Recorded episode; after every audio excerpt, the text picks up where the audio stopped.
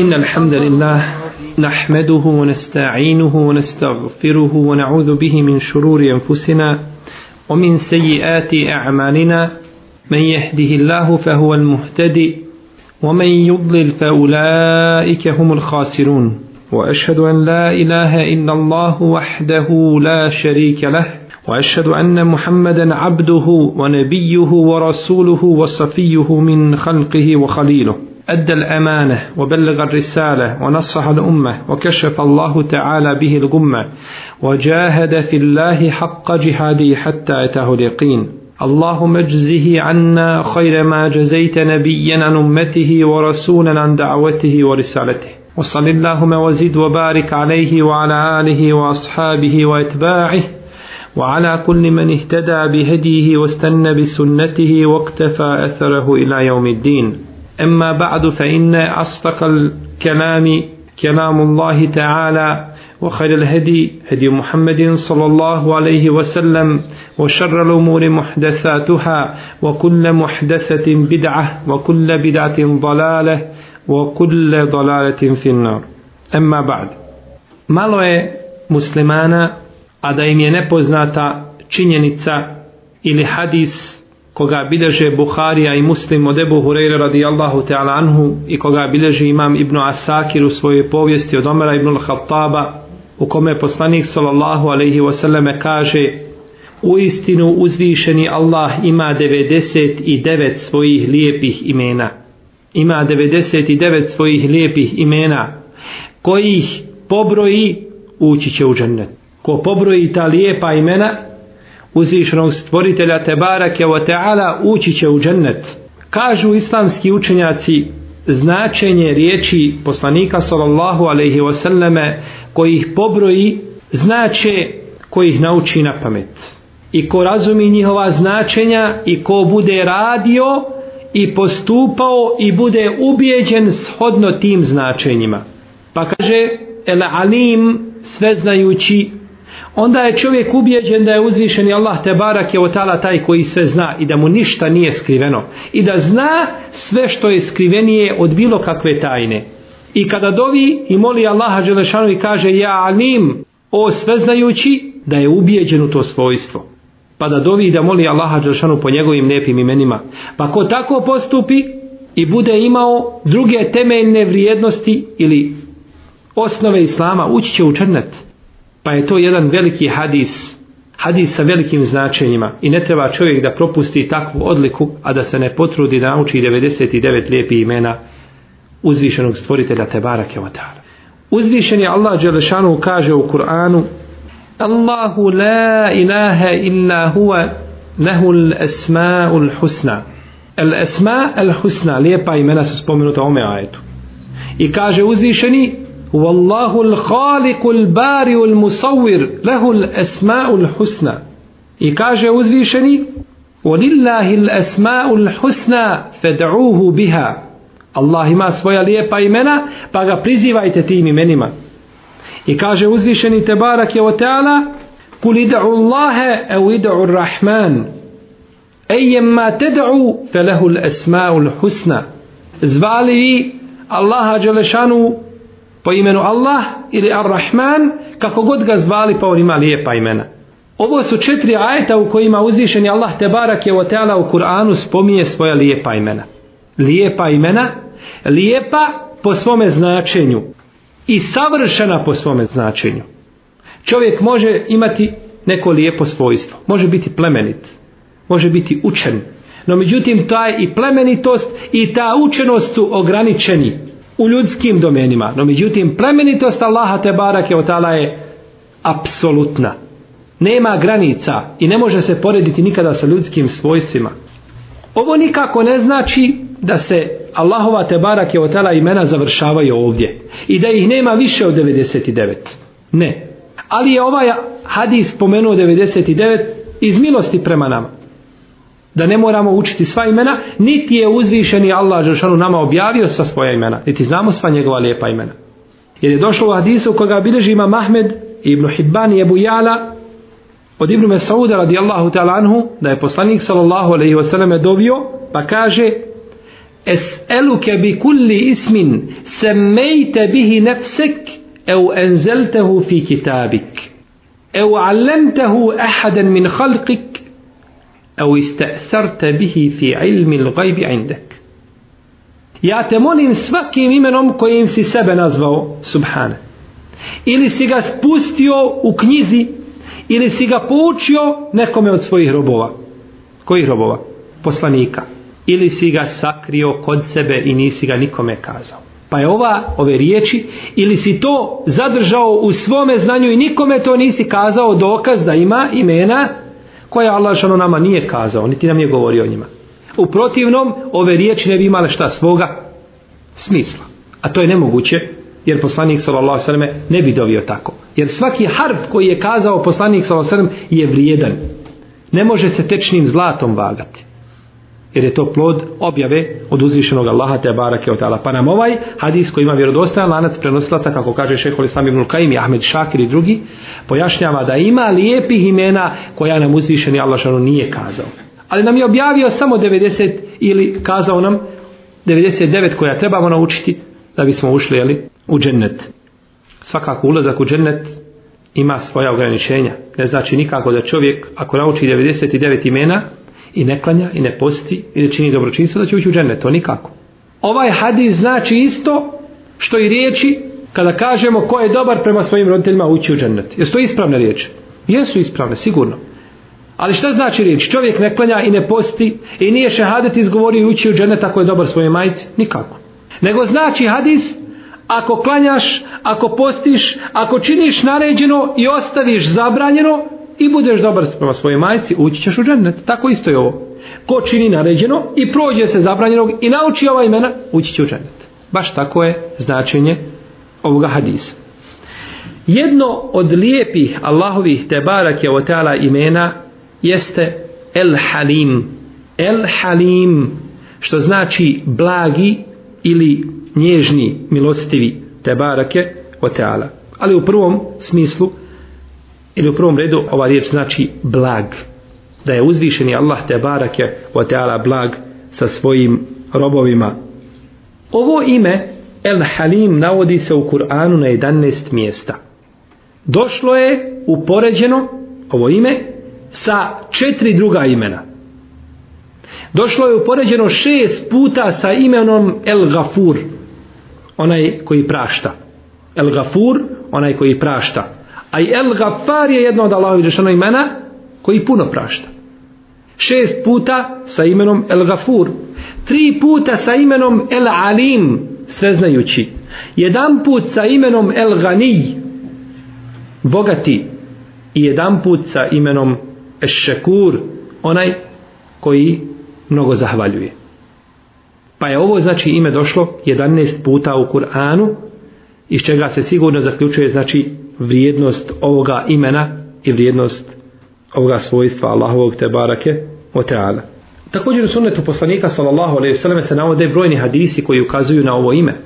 Između ostali hadis koga bilježe Buhari i Muslim od Ibn Abasa u kojem je poslanik sallallahu alaihi sallam učio La ilahe illa Allahu el azimul halim pa je ovdje spomenuto ime el halim pa je to bez sumnje po konsensusu učenjaka jedno od Allahovi te barake o tala imena.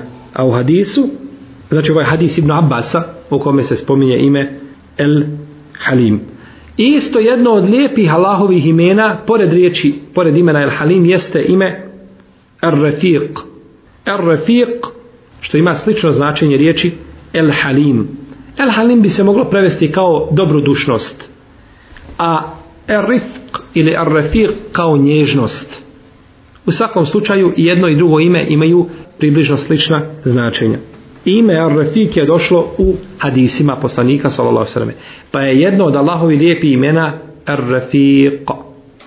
Nježni, milostivi ili već kako se prevede. I to se navodi u sunnetu poslanika sallallahu alejhi ve selleme u hadisu koga bilježi Imam Muslim od Ajše radijallahu ta'ala anha da je poslanik sallallahu alejhi ve rekao: "Ja Ajša, inna Allaha rafiqun yuhibbu rifq." o Ajša, Allah Đelešanu je blag i nježan i voli nježnost. I voli nježnost. I ome smislu se naode hadise od Abdullah ibn Mugafela i Ebu Horeire i Ebu Umame i Enesa ibn Malika i drugih ashaba. Uzvišen je Allah Tebarak je u talaju u Kur'anu opisao dvojicu poslanika sa ovim svojstvom. El Halim. Ko zna koje je poslanike opisao Allah Đelešanu sa svojstvom El Halim. To je večeras nagradna igra. El Halim. El Halim. Pisao je Allah te barak je otala Ibrahima a.s. Pa kaže uzvišeni inne Ibrahime le evvahun halim. A u drugom ajetu kaže inne Ibrahime le halimun evvahun munib. Pa ga je opisao svojstvom hilma i blagosti i nježnosti. Ibrahima a.s. I njegovog sina Ismaila. Fe bešernahu bi gulamin halim. I mi ga obradovasmo i jednim blagim dječakom ili dječakom blage naravi. To su dva poslanika koji su spomenuti po me ovim svojstvom su opisani. Kaže Sa'id ibn Džubeir u predaj koji bliži al u svome zuhdu da je u komentaru riječi o sejiden, o hasuren, o nebijen mine salihin o kome se govori ovdje o Jahja a.s. da je riječi o sejiden prvak i predvodnik protumačio da je kao el halim, da je blag i nježan. Pa je znači možemo kazati po ome tumačenju komentaru da je uz to je li još nazvan i ko? Jahja a.s. I koji je još poslanik opisan ovim imenom, svojstvom? Poslanik Muhammed s.a.v. Ko zna gdje? Nigdje. Na ovakav način. Opisan je jednim ljepšim svojstvom. Koje je obuhvata ovo svojstvo. Kaže Allah te barake o ta'ala wa inneke le ala hulukin azim i ti si u istu najljepše čudi o Muhammede. Najljepšu čud imaš najljepša svojstva. A El Halim je jedno svojstvo koji ima najljepše čudi, on ima sve lijepe čudi i sva svojstva. Pa je Allahu poslanik bio El Halim, bio je Halim, znači imao je to svojstvo hinma ili blagosti i imao je sva druga svojstva, lijepa svojstva. Najljepšu je čud imao Allahu poslanik sallallahu alejhi I kako došao u brojnim hadisima, kaže Allahu poslanik sallallahu alejhi ve selleme, došao sam da upotpunim ljudske čudi, ljudsku narav, da je upotpunim. potpunim A može li upotpuniti ljudsku čud onaj koji ima krnjavu čud? Nikako. Upotpuniti je može samo onaj koji ima potpunu čud. Ne možete poučiti nečemu nego onaj ko zna. Džahili, ne znam, te ne može poučiti.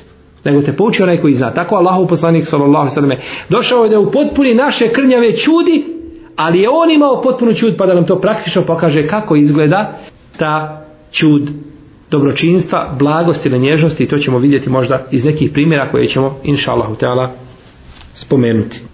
Vidimo također iz priča kuranskih da su drugi ashabi, da su drugi poslanici, alehim salavatullah, lijepo se obhodili sa svojim narodom i da su bili blagi. Možda nisu spomenuti sa ovim imenom i opisani sa ovim svojstvom, no međutim iz njihovog ponašanja sa njihovim narodima vidi se da su bili jako blagi.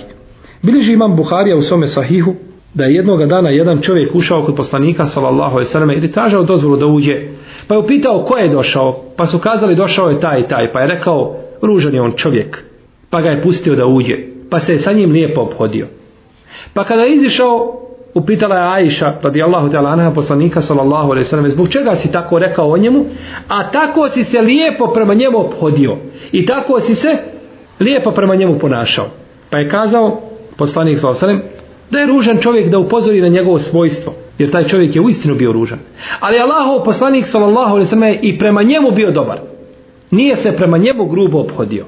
Pa je svojstvo hilma ili blagosti jedno od svojstava nezaobilazni svojstava mu'mina ili vjernika.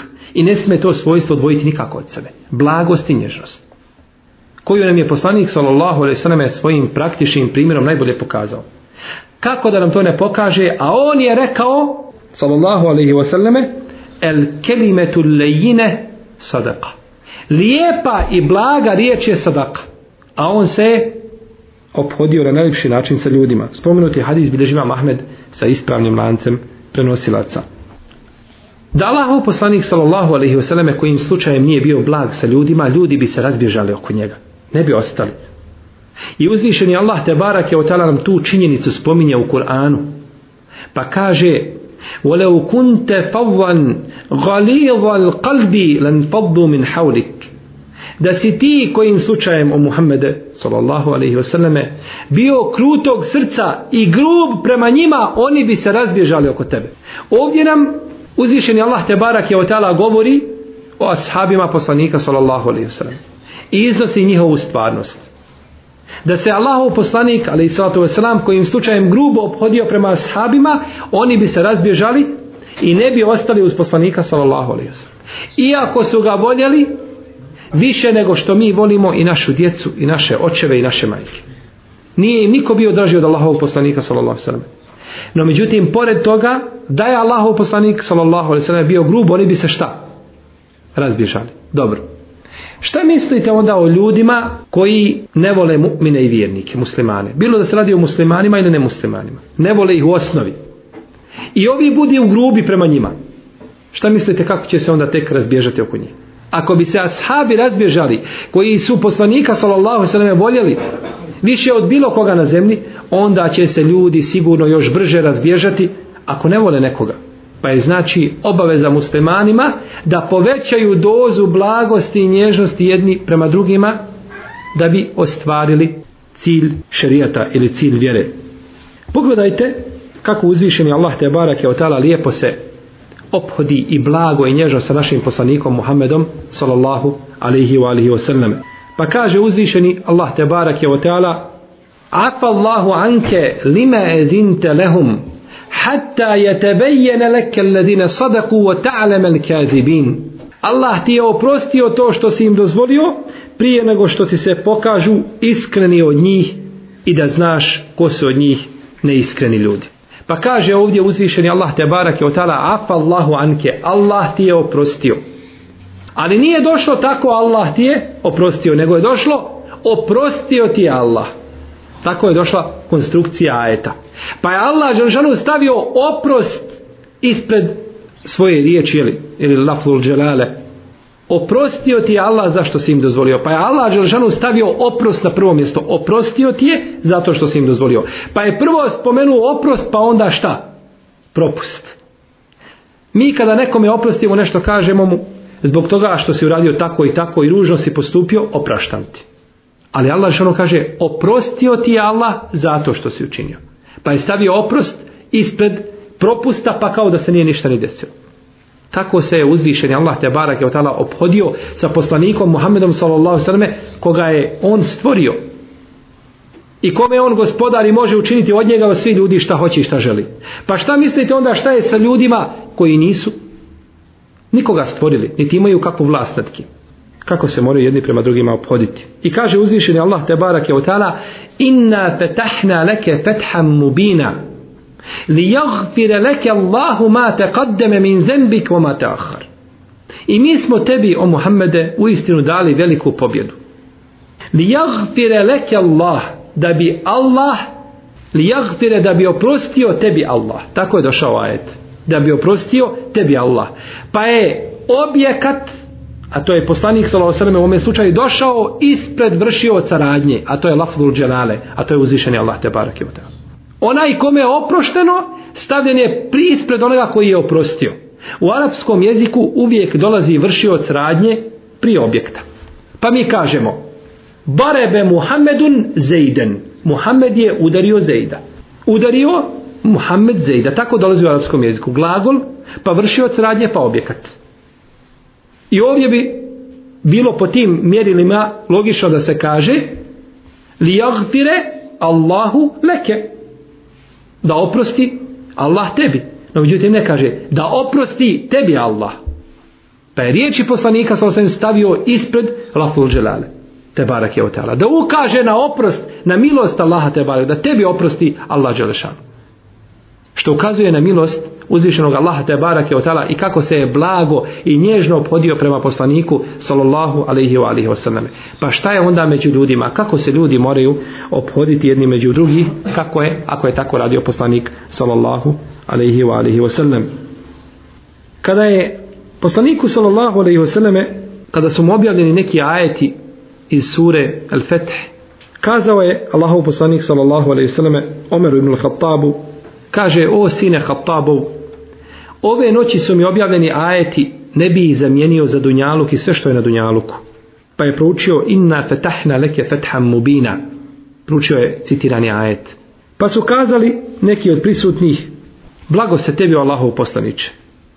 Tebi je Allah Đeršanu obećao ono što ti je obećao. A šta će biti sa nama mi ne znam. Kako ćemo mi proći mi to ne znam tebi je Allah Žešanu prema tebi je blag i nježan, a kakav će biti prema nama mi ne znamo. Pa je Allah Žešanu objavio li udhile l'mu'minine u l'mu'minat džennatin teđri min tahti l'enhar i do kraja ajeta. Da bi on uveo mu'mine i mu'minke u džennetska prostranstva ispod koji će rijeke teći. Pa hoće ovim Allah te barak i tala kazati kako je milostiv prema poslaniku sallallahu alaihi sallame, tako će isto biti milostiv prema drugim ljudima. I neće ta milost zaobići druge ljude. Njegova blagost i njegova nježnost obuhvatila je sve te barake o teala. I kaže uzvišeni Allah Đelšanu Alladine jeđteni bune kebair al ismahiš wa iza ma gadibu hum jagfirun Oni koji se prođu velikih grijeha i nemorala a kada se naljute opraštaju ljudima. Pogledajte ovo. Kada se naljute, opraštaju ljudima, blagi su prema ljudima. Ali kada? Kada se naljute? Šta mislite onda kad nisu ljudi? Ako su kao ljudi, takvi da opraštaju, kakvi su onda kada nisu ljudi, subhanallah? Kako uzvišeni Allah te barak je odala, hoće braćo da odgoji, hoće da odgoji mu'mina, da bude savršen, da bude idealan u svome ponašanju, u svome obhođenju sa ljudima i u sličnim stvarima onakav baš kako je bio naš poslanik Muhammed sallallahu alaihi wasallam koji je objavio rat svim ljudima objavio rat njihovim srcima sa svojom blagošću i nježnošću i pokorio je njihova srca i osvojio je njihova srca sa svojom blagošću i sa svojom nježnošću i ako pogledamo sunnet poslanika sallallahu alaihi wasallam vidjet ćemo brojne argumente koji nam ukazuju na to U jednoj se predaj navodi da je poslanik sallallahu alaihi wasallame došao ispod jednog drveta, kako bileže Buharija i Muslim od džabira, i sjeo. I odložio svoju sablju. Pa kada je zaspao poslanik sallallahu alaihi wasallame, prišao mu jedan pustinjak i uzeo tu sablju i kaže, o Muhammede, ko ćete sada spasiti od mene? Šta ćeš sada o Muhammede? Pa je kazao poslanik sallallahu alaihi wasallame, koji se najviše Allah te barake a na koga drugog da se čovjek osloni? Kažite mi danas na koga čovjek da se osloni kada vidi šta se dešava i u kakvom se halu i stanju muslimane nalaze na koga da se osloni mimo Allaha te barake u ta'ala. Kaže poslanik sallallahu alaihi wa sallame oslanjam se na Allaha Želešanu. Mene će spasti Allah od tebe. Pa mu se ruka ukočila i ispala sablja na zemlju. Pa je on uzeo sablju. Kaže, a ko će tebe sada spasti od mene? Šta ćeš sada? Pa je kazao, o Muhammede, kaže, budi od najboljih koji su uzeli u svoju ruku sablje. To jeste, nemoj mi nauditi. Pa mu kaže poslanik, sallallahu sallam, svjedočiš li da sam ja, kaže Allahov poslanik, da nema drugog Boga osim Allaha i da sam ja Allahov poslanik, kaže, ne svjedočim. Ne svjedočim, kaže, ali ti kažem riječ da se neću nikada boriti protiv tebe. Da ću te ostaviti po strani, nećeš me zanimati više. Pusti me, ne svjedočim i ne priznajem da uđem u tvoju vjeru, ali pusti me na miru. Pa je kazao Allahov poslanik, sallallahu sallam, idi. Završeno je. Pa je otišao. Došao je svome narodu i kaže im, o ljudi, tako mi Allaha kaže, ja vam dolazim od najboljega Allahovog roba što ima na zemlji i meni najdražeg, od Muhammeda, sallallahu alaihi wasallam. I ja svjedočim da nema drugog Boga osim njega i da je on Allahov poslanik. Pa je sve njegovo pleme koji su bili za njega, on je bio vođa u svome plemenu, svi su nakon toga primili islam. Iako pred njim, sallallahu sallam, nije htio primiti islam i nije htio izgovoriti riječ šehadeta, ali je nakon toga otišao i potvrdio, znači, svoj ulazak, potvrdio svoj ulazak u islam. A to je sve bilo blagošću, nježnošću koju je jeli pokazao poslanik sallallahu alaihi sallam prima tim ljudima. Pa je bio vladar, ali je bio najpravedniji. I kazao je da su najgori ljudi i najgori vladari oni koji se grubo ophode prema ljudima. U hadisu stoji inne šarra rija el hupame najgori vladari i najgori pastiri su oni koji su grubi i koji su kruti. Misli se ovdje jeli pastiri, oni kojima je nešto povjereno. A u hadisu koga bilježi imam Ebu Davud, kaže poslanik sallallahu alaihi sallame, la jedhulul džennete el džewav, Walel džavari neće ući u džennet el džavval. To je čovjek koji je krut i grub. Krut i grub čovjek koji se ophodi sa ljudima kruto i grubo neće ući u džennet. Dok progovori kruta riječ i gruba riječ iziđe iz njegovih usta. Ili je nekoga uvredio, ili je nečiji hak zakinuo, ne zna se lijepo ophoditi prema ljudima. Neće takav ući u džennet. Po riječima poslanika sallallahu alejhi ve sellem. Wal džavari niti će ući el džavari, a to je oholnik, čovjek koji je ohol. Jer kaže poslanik sallallahu alejhi ve selleme, ko bude imao u svome srcu koliko zrno gorušice kibura ili oholosti, neće ući u džennet.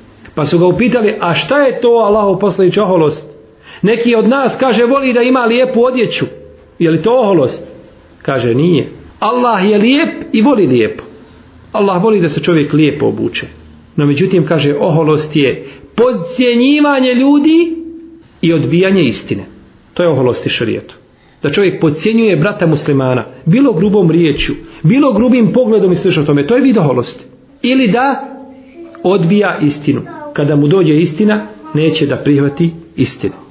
U hadisu koga bilježi ima Mahmed od Huzeife radijallahu ta'ala anhu kaže poslanik sallallahu alaihi wasallame Ela uhbirukum bi šerri ibadillah Zar nećete da vas obavijestim o najgorim Allahovim robovima El fav el mustekbir čovjek koji je grub i krut i koji je oholnik. To su najgori robovi kod Allaha Đelešanu. Možda čovjek ponekad ne pridaje važnost ovome svojstvu. Ali kada vidi ove hadise koji ovako prijete čovjeku i krut, koji se ne zna lijepo ponašati sa ljudima i ne zna im se lijepo obratiti, vidimo onda opasnost kada čovjek izgubili ovo svojstvo. Može se čovjeku desiti da ponekad u datom momentu iz srđbe postupu To je priroda čovjeka.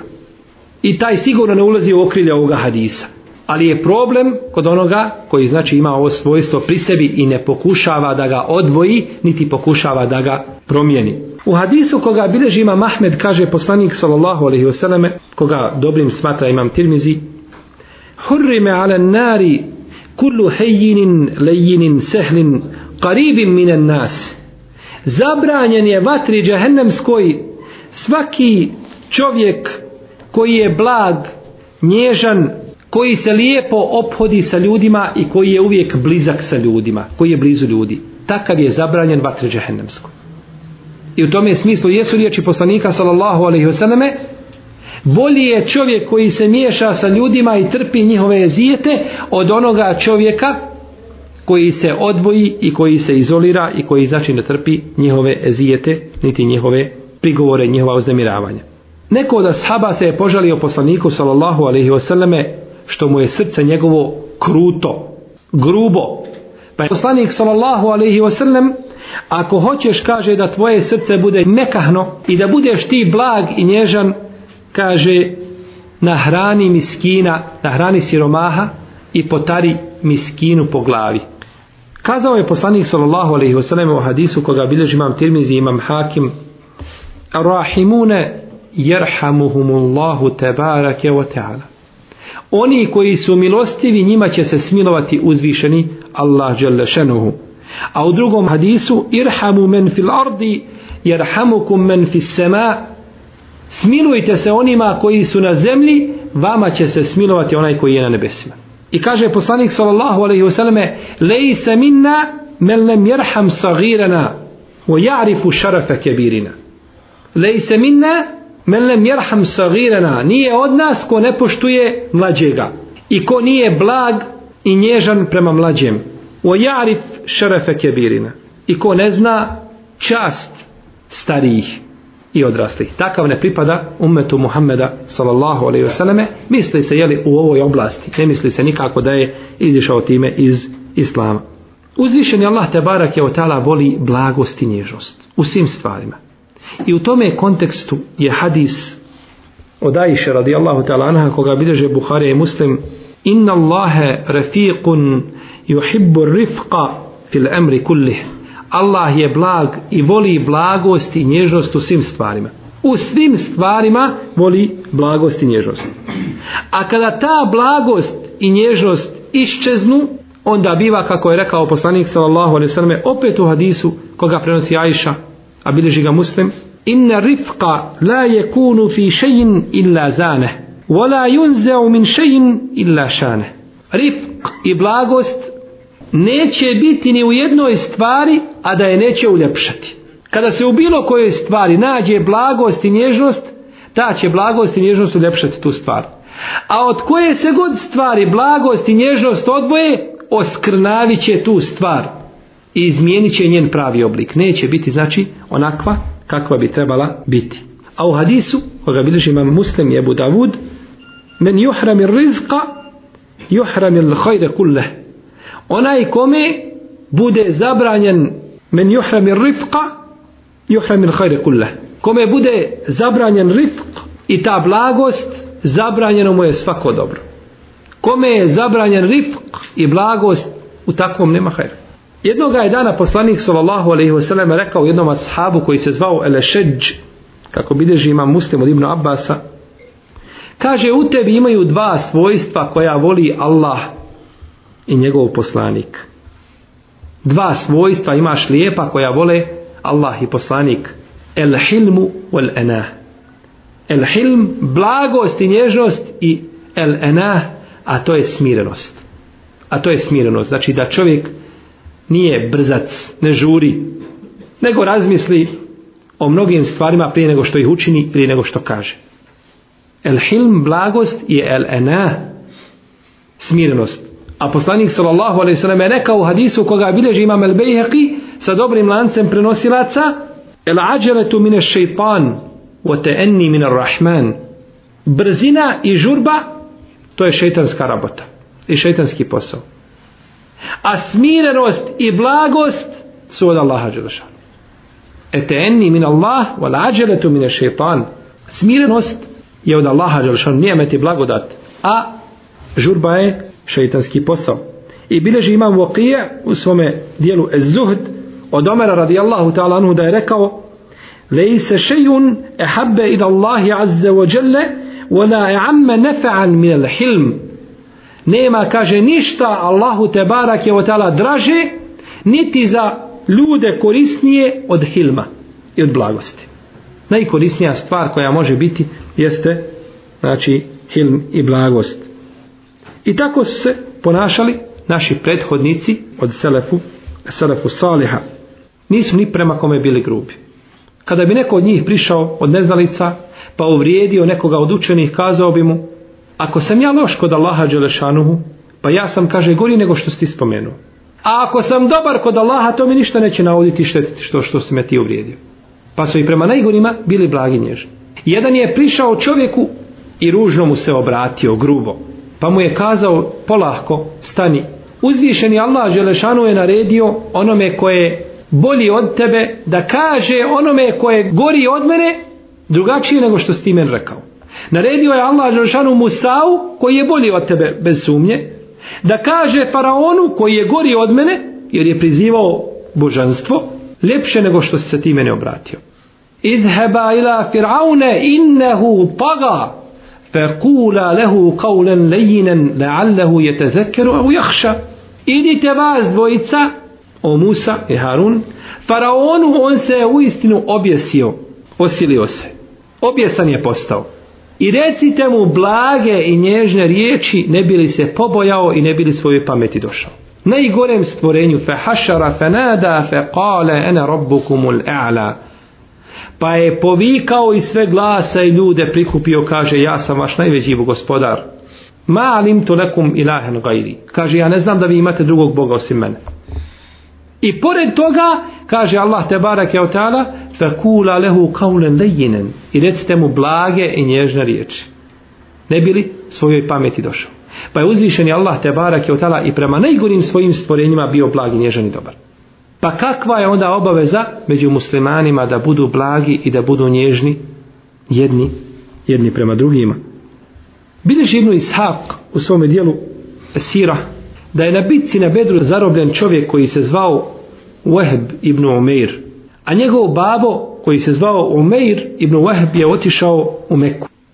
Kada je bio u Meki, došao je u hlad Kjabe gdje je zatekao Safvana ibn Umeiju. Pa su sjeli zajednički u hlad i počeli se prisjećati musibeta koji su doživjeli na dan Bedra.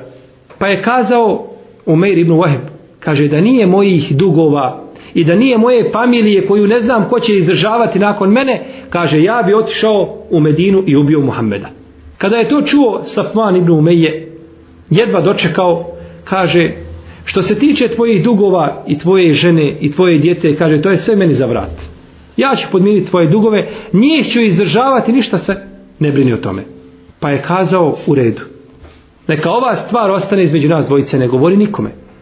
Pa je otišao svoje kući, uzeo sablju, umočio je u otrov, stavio je na vrat i uputio se prema Medini. Kada je došao blizu džamije poslanika sallallahu alejhi ve selleme, privezao je svoju devu nedaleko od džamije, pa ga je ugledao Omer radijallahu ta'ala anhu. Pa mu je prišao govoreći kaže evo Allahovog neprijatelja. Došao je sa nekim zlom on hajd nikakav ne nosi. Pa ga je uzeo za njegovu odjeću i vukao ga do poslanika sallallahu alejhi ve i uspravio ga ispred Allahov poslanika kaže Allahov poslaniče ovo je Umair ibn Wahb Allahov neprijatelj on je došao sa nekim zlom ja mirišem u njemu neko zlo pa je rekao poslanik sallallahu alejhi o Umair zbog čega si došao kaže došao sam da vidim svoje dijete da vidim Wahba kaže samo zbog toga kaže samo zbog toga a dobro kaže što će ta sablja na vratu kaže pa imao sam je i na dan bedra pa mi nije koristila i na bitci na bedru je bila u mom vratu pa mi nije koristila Pa mu kaže poslanik sallallahu alejhi ve selleme: "O Umer, priznaj mi zbog čega si došao." Pa kaže: "O Muhammede, ja sam rekao." Pa mu je rekao poslanik sallallahu alejhi ve selleme: "O Umer, kaže zar nisi sjedio ti i Safvan ibn Umeje u hladu Kabe? I zar nisi ti rekao da nije mojih dugova i moje djece i moje žene? Ja bi otišao i ubio Muhammeda. Pa zar se nisi dogovorili da to ostane između vas i da ti dođeš da mene ubiješ? Kada je to čuo Umer ibn Wahib, kaže: O ovome te kaže nije mogao niko obavijest nego Allah uzvišeni Đerlešenu. Kaže, ovo smo se mi dogovarali u Meki, ja sam se istog dana uputio vamo, to niko ne zna i niko nije mogao prije mene doći niti ako to čuo. O, kaže Mohamede, ja svjedočim da nema drugog Boga osim Allaha i da si ti Allahov poslanik, sallallahu alaihi sallam. Pa je primio isto.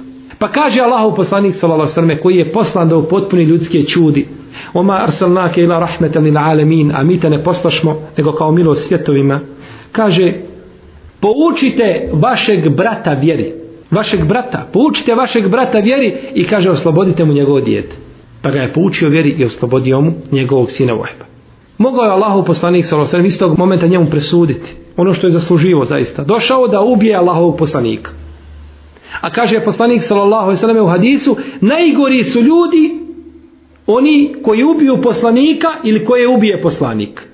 Najgori čovjek je koji ubije poslanika ili koga ubije poslanik. Jer neće ubiti poslanika nego najgore stvorenje. A neće Allahov poslanik ubiti nego najgore stvorenje, jel tako? Neće Allahov poslanik ubiti nevinu osobu. Pa su te dvije vrste ljudi najgori.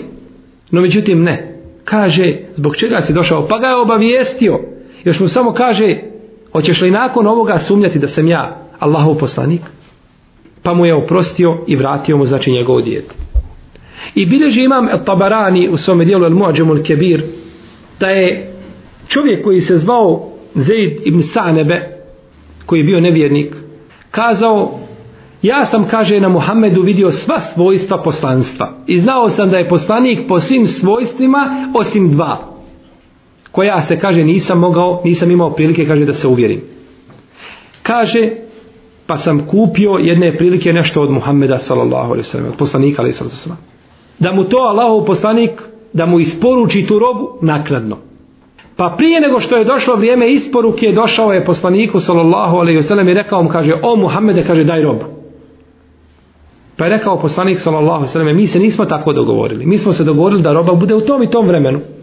Kaže: "Ne zanima me, ja hoću robu." Kaže, a pored poslanika Muhammeda sallallahu alejhi ve selleme stoji Omer ibn al-Khattab i kaže kola svojim očima i kaže kao da me strelama probada gledajući u mene. Kaže, šta to govoriš poslaniku, sallallahu alaihi wa sallam? Pa je dalje nastavio, želeći da ispita ta dva svojstva. Koja su to dva svojstva? Jeste svojstvo da je poslanikovo znanje i njegov razum ispred njegovog džehla i neznanja. Što mi kažemo, mozak ispred jezika. I drugo svojstvo, da što god ti bivaš prema njemu grublji i krući, on biva prema tebi blaži. A vatra kada nema šta da izgara, onda izgara samu sebe. Što god ti bivaš prema njemu grublji, on prema tebi biva sve blaži. Pa sam rekao, o Muhammede, kaže, daj robu. Pa je rekao Omer radi Allahu talanu, o Allahu poslaniče, kaže, pusti mi, kaže, da ga udarim po vratu. Zbog ovih riječi. Jer on tebe optužuje i jezijeti te. Pa mu kaže poslanik Salosalem Omeru, o Omer, kaže, on i ja smo bili potrebniji nečega drugog. Ja sam, kaže, bio potreban da mi kažeš, o Allahov poslaniče, podaj mu to što si mu dužan. A kaže, on je bio potreban da mu kažeš, nemoj se tako obhoditi prema poslaniku, sallallahu sallam.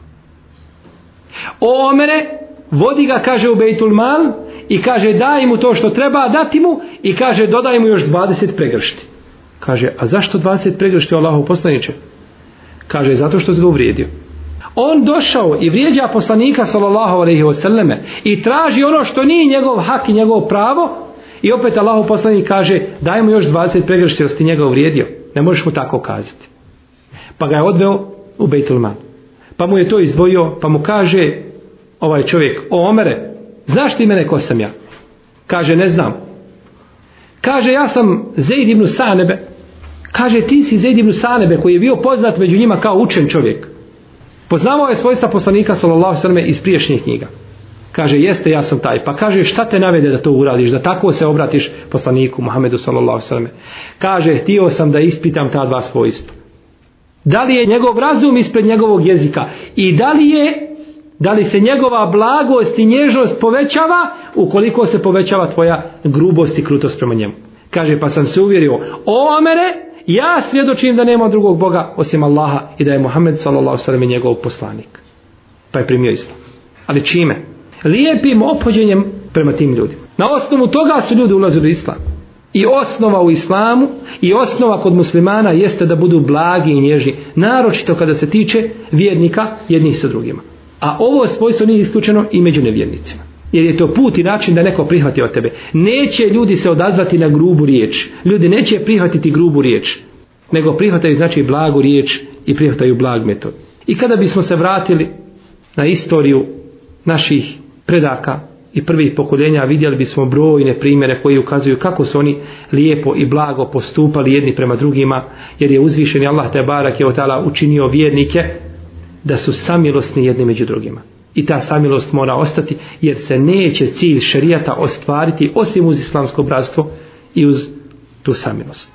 I ova je sigurno tema o kojoj smo govorili, ona je jedan od dijelova islamskog bratstva ili sačinjava znači jedna od halki u islamskom bratstvu bez koje se nikako ne može zamisliti islamsko bratstvo moleći uzvišenog Allaha te barake da nas pouči našoj vjeri da nas učini od onih koji će biti samilosni i blagi i nježni jedni prema drugima, da nas pouči sunnetu poslanika sallallahu alaihi wasallam da nas sačuva fitneta javnih i tajnih velikih i malih i da nas proživi u društvu sa našim poslanikom Muhammedom sallallahu alaihi wasallam iskrenim dobrim i šehidima a divni su oni društvo Allahu ta'ala alam wa sallillahu ala nabina Muhammed wa ala alihi wa ashabi ajma'in wa jazakumullahu khairan